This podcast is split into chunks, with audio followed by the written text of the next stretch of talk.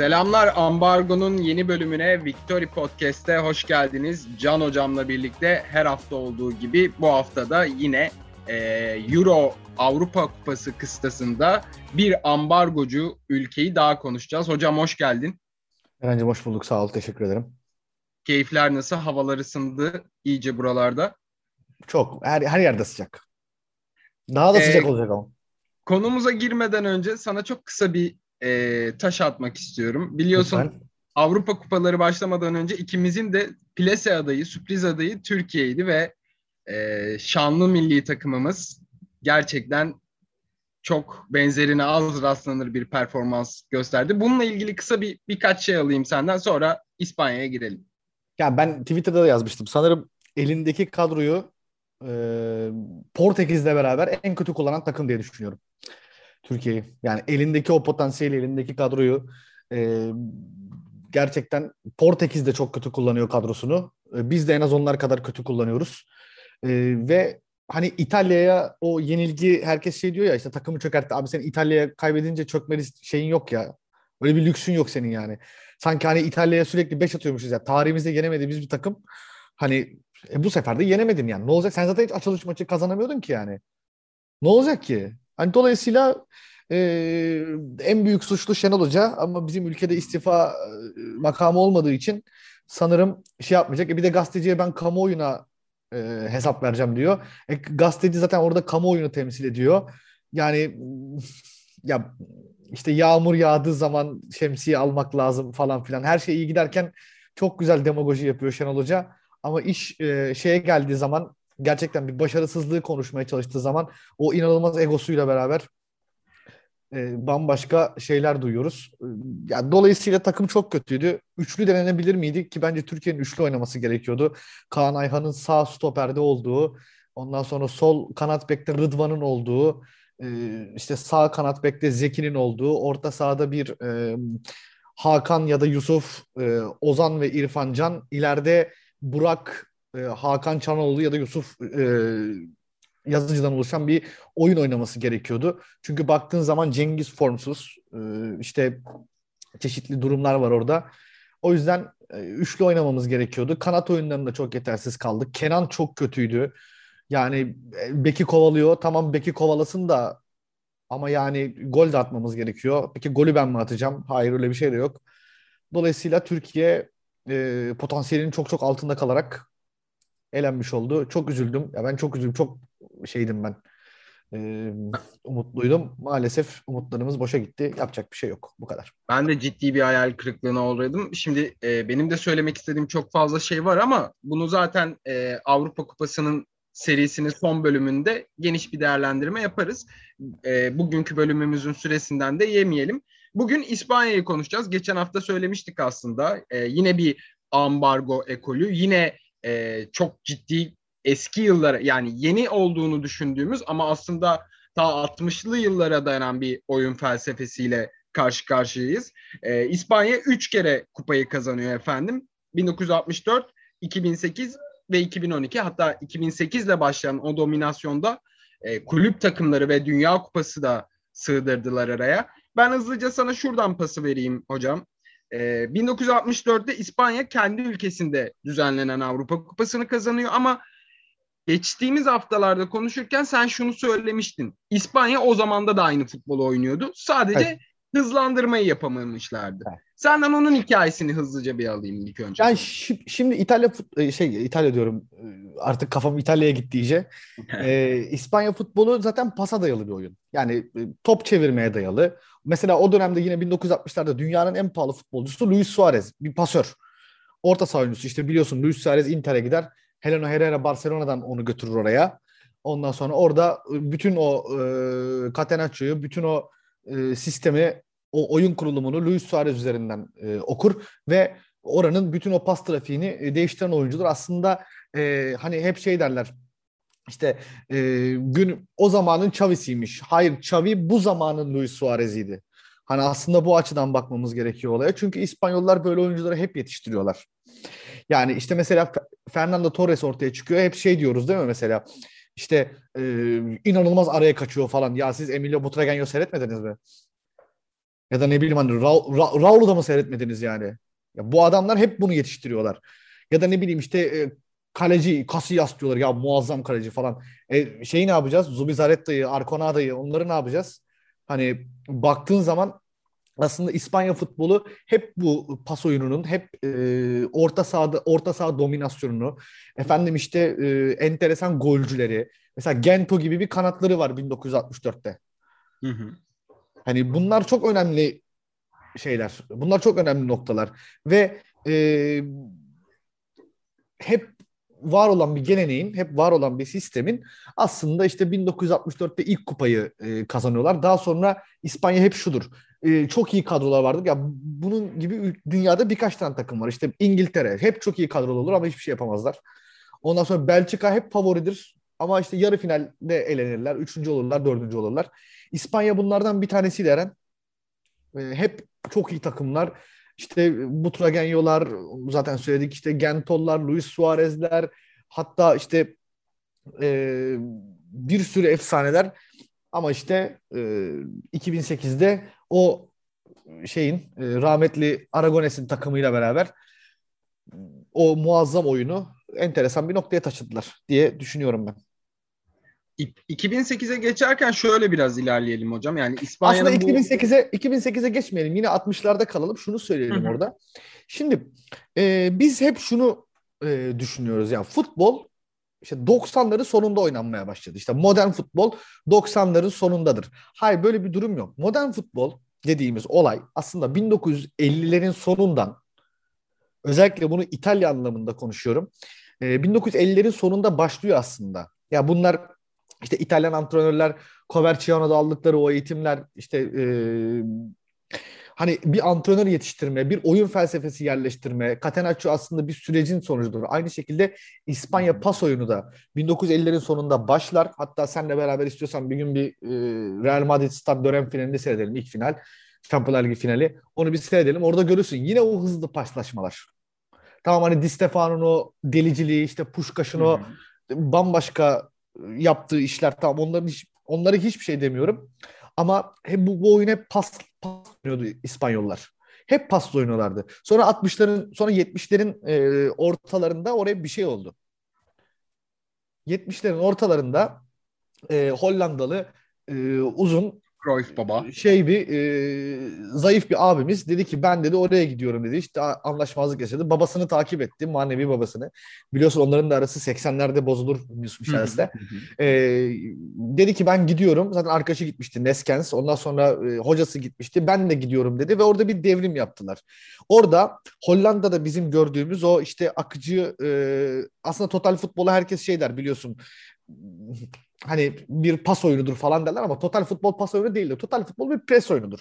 E, kaybettiğin topu en kısa sürede kazanıp hızlı bir şekilde hücuma çıkıp rakibin ne olduğunu anlamadan fişi çekmektir aslında total futbol. Fakat biz bu total futbolu çok yanlış anlıyoruz. Bunun da anlamamızın sebebi işte bu 2008 2000'lerdeki İspanya'nın yükselişi. Bu aslında bütün o aradaki ikircikli durumu yaratan şey bu. Ee, İspanyollar aslında... ne oynar, Hollandalılar ne kattı? Ya 2008'deki o yükselişi de zaten biraz önce de oraya bağlayacaktım. İşte e, Cruyff'la Neskens'le başlayan o ekol 2008'de de şöyle bir şey var. Rijkaard ilk önce o yapılanmayı evet. kuruyor. Yine Hollandalı, yine total futbolun e, doğduğu yerden. Sonrasında Guardiola geliyor. Guardiola da Cruyff'un sahada en güvendiği oyunculardan birisi. Oradan bir ekol yaratıyorlar ki e, benim büyük ihtimalle izlediğim en iyi futboldu Guardiola'nın o prime Barcelona'sı. Xavi Iniesta, önde Messi, e, David Villa hatta e, çok keyif alıyordum onu izlerken. Ve orada yarattıkları o kulüp e, oyunu ve İspanya'daki diğer takımların da Barcelona ile baş edebilmek için güçlenmesi İspanya milli takımına da çifte Avrupa Kupası ve e, Dünya Kupası yolunu açmış oldu biraz. Yani şimdi 2008 takımına baktığımız zaman şunu görürüz. Marco Senna diye bir adam vardır orada. Hı hı. Daha biliyorsun Busquets e, portakalda vitamindir. E, ve oraya Marco Senna diye bir adamı koyarlar. Şimdi bu Marco Senna bunun yaptığı olay Eren sadece e, oradaki o direnci arttırıp Xavi ve Iniesta'yı rahatlatmak. Onun tek görevi o. Ve bunu mükemmel bir şekilde yapan hatta bunun için İspanyol bir oyuncu bulunamamıştır. Oraya e, Senna devşirilmiştir. Mehmet yani, Arelio gibi. Mehmet Arelio gibi. O yüzden oranın bence o takımın en kilit parçası o. Tabii ki burada e, yani Capdevilla gibi mükemmel bir sol bek. Ondan sonra işte e, David Villa gibi senin de söylediğin o oradaki o bütün yıkıcı işleri yapan adam. İşte Fernando Torres'in en iyi zamanı. Ee, David hani, Silva'nın önde üreticiliği. Hayır, David ya o zaten hani farklı bir şeydi. Hani e, biliyorsun kariyerine 10 numara olarak hatta sağ kanat olarak başlıyor. Ondan sonra 10 numaraya çekiyorlar onu. Sonra e, Guardiola onu bir 8 numaraya çeviriyor. Yani kariyer evrimine bakar mısın? Hani git önden git geriye doğru çekilen bir adam ve o bütün oradaki e, yaratıcı işi Iniesta ile beraber üstleniyor. Aslında takımın şey aslında şimdi 2008 takımına baktığınız zaman şunu görürüz. Mesela çok herkes şunu söyler. Ulan ne takımdı falan böyle. Hani ne takımdı. Ya e, aslında e, bazı zamanlar çok durağan bir oyun görürüz o 2008 takımında. Yani Barcelona'nın akıcılığı yoktur orada. Ama bu, Eren şunu yaptılar. E, bir anda çoğalıyorlardı ve bir anda baskın. Yani hiç ne olduğu hiç önemli değil orada. Bir anda işte Fernando Torres'i topla buluşturup hatta 2008 finalinin golü biliyorsun öyle gelmiştir. Artı insanların bu tiki taka sürekli tiki taka söylemlerinin arasında şöyle bir şey de vardır. 2008 takımını sanıyorum hatırlamıyorlar. Bildiğin Fernando Torres'i 70 metre şişiriyorlardı topu bazen. Tabii tabii tabii uzun oynuyorlardı. Uzun oynuyorlardı. Yani bu bak e, zaten biliyorsun tiki taka bu dışarıdan verilmiş bir isimdir. Aslında baktığın zaman o oyunun adı hani e, İspanyol tarzıdır aslında yani. Dolayısıyla 2008 şampiyonluğunu getiren asıl e, nokta İspanya defansının sağlam olması, Marqueson'la gibi bir parça. Ondan sonra e, ben yani iki bak iki bek de çok iyi. Ramos ve Capdevilla. Şimdi Ramos'a herkes stoper olarak katılıyor fakat Ramos stoper değildi. Ramos bir sağ bekti Sevilla'dan Real Madrid'e ilk geldiği zaman. Ondan sonra e, bu parçalar İspanya'ya işte 2008'de o 1964 kaç yapıyor? 34 yıl sonra. Hı hı. Ondan sonra bir Avrupa Kupası getiriyor. Tabi burada Aragones'i de övmek lazım. Çok çok büyük bir antrenör. Onu da söyleyelim. Yani Fenerbahçe'de ben de daha uzun kalmasını isterdim ama e, yaş haddinden Türkiye, dolayı Türkiye, emekli oldu. Türkiye yaş haddinden dolayı emekli oldu. Şimdi 2012 var bir de tabii burada. E, araya Arada çok arada bölüyorum seni var. pardon. İki, arada 2010 var, sonra 2012 var ve o sırayı hatırlayalım belki hatırlamayan dinleyicilerimiz vardır. Şampiyonlar Ligi finalleri sürekli Madrid, Barcelona, UEFA Avrupa Ligi finalleri sürekli Sevilla, Atletico Bilbao. Ya zaten böyle bir dominasyondan, e, böyle bir ambargodan bahsediyoruz. Iki, iki haftada bir El Clasico vardı. İki haftada Kral bir. Kupası, Kral Lig, Kupası, Şampiyonlar Ligi. Hiç fark etmez. E, dolayısıyla biliyorsun o 2008'deki ilk aslında dominasyonlardan bir tanesi olacakken orada Fenerbahçe bir Sevilla'nın önünde kesiyor. Onu da orada evet, evet. söyleyelim ya. muazzam takımı orada Fenerbahçe götürüyor. 2012'ye geldiğimizde hatta 2010'da da mesela 2010'da artık Iniesta'nın daha farklı bir rolde olduğunu görüyoruz. Iniesta biraz daha sola yatkın hani biraz daha sol kanada doğru onu ilk Guardiola öyle kullanıyor. Bazı böyle Hı-hı. hedef maçlarda Guardiola'nın Iniesta'yı sol kanatta kullandığı var. Oradaki o bütün e, muazzam bir bitirici zaten biliyorsun. Hani pas şeyinin yanında. Ve oradaki o şey işleri hani tek daha teknik, daha böyle yüksek işleri yapması e, gerekiyor ve Iniesta'yı sola atıyorlar. 2010 Dünya Kupası'nda yapıyorlar bunu ve orada enteresan bir şampiyonluk geliyor. Sonra gol de oradan geliyor zaten. Gol de oradan. golüyle geliyor. Sağdan sağdan giriyor Iniesta gol yani oluyor. Kana, yine Iniesta'nın kanat kanata yattığı bir yerden geliyor. Tabii tabii. Ee, 2012'de ise durumlar çok farklı. Aslında 2012'de ben İspanya'nın şampiyon olmasını beklemiyordum açıkçası. Çünkü 2012'de e, İtalya e, çok çok iyiydi. Gerçekten çok iyi bir turnuva geçiriyorlardı. E, bir de şey de e, yani Fransa falan da hani bugünkü takımın o ilk şeyleri vardı orada nüveleri vardı falan. Hani e, bir şeyler olabilir diye düşünüyorduk. Fakat olmadı tabii ki de. Yani e, 2012'ye dair şunu söyleyebilirim Eren. Yani hayatımda izlediğim sanırım en akıcı pas oyunlarından bir tanesini özellikle o final maçında yani 4-0 inanılmaz bir tarumar ettiler İtalya'yı. Ben e, biliyorsun hani çok İtalya e, maçı seyretmişimdir tarihten işte bugün falan çok seyretmişimdir ama İtalya'nın o duruma düştüğünü iki kez gördüm. Bir tanesi de 1970 Dünya Kupası finali. Onun haricinde İtalya'yı o duruma düşürecek herhangi başka bir takım hatırlamıyorum ben. Ki hocam İtalya finale gelirken herkesin de beğenisini toplayarak yani Balotelli Pirlo önderliğinde özellikle Tabii. Pirlo'nun takımı e, kendi yönlendirmesiyle ve aslında, da iyi top oynayarak geldiler. Aslında oraya. bir de şöyle bir şey de var orada. E, De Rossi vardır o takımda biliyorsun. De Rossi evet, evet. libero, libero oynar o takımda. Bak liberodur De Rossi. En arkada. Hani işte üçlü savunmanın ortasındaymış gibi görünüyor ama üçlü savunmanın ortasındaymış gibi bildiğin Catenaccio oynadılar onlar. Yani 70'lerin Catenaccio'sunu oynadılar İspanya'ya karşı. Ama öyle bir akışkanlık bak işte e, 60'larda 70'lerde İtalyan takımlarıyla karşılaşanlar onların çok savunmacı olduklarını ve savunmanın kilidini bir türlü açamadıklarını iddia ederler. Fakat e, İspanya ona karşı bir çözüm buldu. Dedi ki yıldıracağım sizi. Pas, pas, pas. İşte Xavi, Iniesta, Busquets, ondan sonra arkada Pique, dünya tarihinin gelmiş geçmiş en büyük pasör e, stoperlerinden bir tanesi. Belki savunmacılığı o kadar iyi değil ama Kesinlikle. inanılmaz bir inanılmaz bir vizyonu var. Ondan sonra işte e, Santrafor'da Ces Fabregas. Ces Fabregas bak sahte forvet oynadılar direkt Barcelona yapısı. Direkt orada Messi yerine Fabregas'ı kullandılar. Hani ve e, sanıyorum 3 gol falan atmıştı Fabregas. 3 ya da 4 gol evet, falan evet. olması lazım. Aynen. Yani, yani David Silva biraz daha göz önünde gözüktü ama orada Fabregas'ın topsuz oyunu e, İspanya'nın 2012'deki en büyük e, parıldayan anlarından biriydi bence. Tabii ki de, tabii ki de. Ya bir de e, şunu söylemek lazım Eren. Şimdi Xavi ve Iniesta gibi iki oyuncuyu e, bir daha bir araya getirmek sanıyorum ki imkansız. Kesinlikle. Sanıyorum ki imkansız.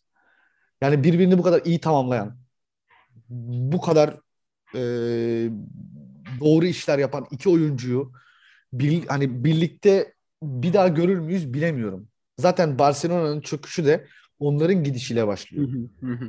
Hatta bence oyunun çöküşü yani yine şampiyon oluyorlar ama oyunun o akıcı oyunun çöküşü Xavi'nin e, daha erken ayrılmasıyla başlıyor. Tabii ki. Yani e, şimdi baktığın zaman ortada bir sistem var. Yani İspanyolları şöyle özetleyebiliriz. İspanyollar e, belki günlük hayatlarında çok disipline insanlar değiller. İşte siestaları var, fiestaları var. Ondan sonra yani çok böyle disipline olmuş klasik Akdeniz insanı bunlar. Hı hı. Ama 60'larda yakalayamadıkları oyun içi disiplini 60'larda yakalayamadığı o oyun içi disiplini 90'ların sonunda 2000'lerin başından hatta 90'lardaki ilk Barcelona takımı 93-94'te Milan'a 4 atan Barcelona takımıyla başlayan daha sonra e, Real Madrid bu denklemin dışına tutmak lazım. Çünkü onlar farklı bir yol seyrediyorlar. Hı hı. Onlar onlar biliyorsun en iyileri alalım ve herkesi yenelim. Onların planları bu. Her zaman. Dolayısıyla, en başından beri böyleler. Aynen yani İspanya futbolunu İspanya futbolunun aslında Barcelona, Real Sociedad, Atletico ba- Atletik Bilbao ondan sonra ve şey üzerinden okumak lazım. Ee, Valencia üzerinden falan okumak lazım. Çünkü bu takımlar İspanyol oyunu oynuyorlar. Hı hı. Yani Atletico Madrid'in oynadığı oyun zaten hani herhangi bir e, futbol normuyla açıklanabilecek bir şey değil. Ondan sonra Real Madrid dediğim gibi işte Zidane'ın e, tamamen artık şey yaratmalarına kaldı bugün. E, mucizeler yaratmalarına kaldı ki orada da eskiye döndüler.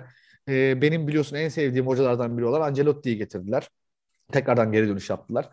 Yani e, İspanya futbolu hep geliştirdiği sisteme normal hayatlarında olmadığı kadar bağlı oldular ve e, bugün işte o hepimizin hayranlıkla seyrettiği 2009 finali Şampiyonlar Ligi, 2011 Şampiyonlar Ligi finali, 2015 Şampiyonlar Ligi finali, Juventus'u mahvettikleri.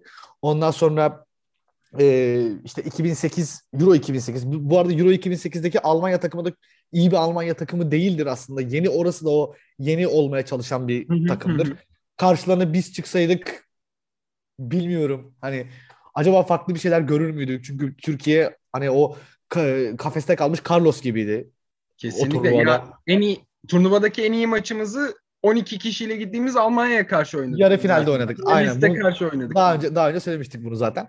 E, 2010 Dünya Kupası zaten hani orada karşılarındaki takım Hollanda değildi. Daha çok İspanya Hollanda'ydı. Hollanda daha böyle hani saçma bir yapıdaydı biliyorsun Bert van Marwijn takımı. İşte 2012'de ise artık farklı bir şey gördük. Vicente Del Bosque e, bize dedi ki ya biz şu hani bu kadroyla olduğumuz herhangi bir kupanın bak favorisi değiliz. Kazananıyız. Kazananıyız. Bize bunu gösterdiler. Dolayısıyla o disiplinden uzak yapılarını futbolda o 6 saniye kuralıyla işte topu kazan 6 saniyede geri al ve akıcı oyunla ve olmamış yıldızlarıyla yani bir türlü o sıçramayı yapamamış yıldızlarıyla işte Akbaba Beşlisi dedik. Tamam onlar kulüp düzeyinde çok iyidir ama milli takımda pek yoklardır. 90'larda Luis Enrique'ler, işte Guardiola'lar gibi oyuncular, Raul falan. Ondan sonra işte 2012'de dediğimiz durumlardan dolayı e, oluşan şeyler, e, durumlarla beraber biz belki de o bütün babalarımızın, dedelerimizin izlemek istediği İspanya takımını e, biz bir oturuşta seyrettik. Çok keyifliydi. E, inşallah ama son dönemlerinde çok baymışlardı. Onu da son olarak ekleyeyim. Yani hatta bu turnuvada da yani biraz sanki fazla e, macun yapıyorlar. Biraz fazla Yani macun son yapıyorlar. maçta bu turnuvadaki son maçlarında ben çok keyif aldım. Onu açıkça söyleyeyim. Ee, o konuda katılmıyorum. Kapamadan önce sana son bir şey soracağım. Bunu da sormazsam çatlarım. Üçlü olarak soracağım. Xavi mi, Iniesta mı, Silva mı? Tercihin nedir hocam? Xavi. Ben de Xavi derdim normalde. Madem sen Xavi dedin, Silva diyeyim o zaman. Neden Ee, Xavi Ekrem'i de- neden Xavi neden Xavi dediğimi son olarak şöyle söyleyeyim. Çünkü e, bir orta saha oyuncusunun üzerinde taşıması gereken bütün özellikleri taşıyordu. Savunması vardı, hücumu vardı, ceza sahasına koşu atardı, stoperlerin arasına girerdi ve inanılmaz bir oyun görüşü vardı. Yani benim için orta saha tanımının dünyada iki tanımı vardır son 10 yılda. Birisi Xavi, diğeri Toni Kroos. Orta saha deyince, orta saha deyince bu ikisi geliyor benim aklıma. Dolayısıyla Xavi diyorum. Bir de çok iyi bir Yani- antrenör olacağını düşünüyorum. O yüzden Xavi'yi çok seviyorum. Ya umarım Barcelona'ya bu sezon döner çünkü e, keyif aldığım Barcelona'dan ziyade bir hayalet izliyoruz artık. E, yavaş yavaş yavaş yavaş değil süremizi de tamamladık. Haftaya kimi konuşuyoruz hocam? Senden onun spoilerını da alalım dinleyicilerimiz için. Haftaya, sü- haftaya sürpriz olsun. Güzel spoiler'ı alamadık. Aynen bu sefer spoiler yok. Efendim bizden bu hafta da bu kadar. İspanya'yı konuştuk. Onun ambargosunu, dominasyonunu konuştuk. E, haftaya e, kendi aramızda yaptığımız planlamaya sadık kalacağız ama size Can hocamın da dediği gibi sürpriz olsun. Yine bizle olun. Hepinize selamlar. Çok acayip bir kapanış oldu ama geçmiş olsun. Herkese görüşmek üzere. Kendinize iyi bakın.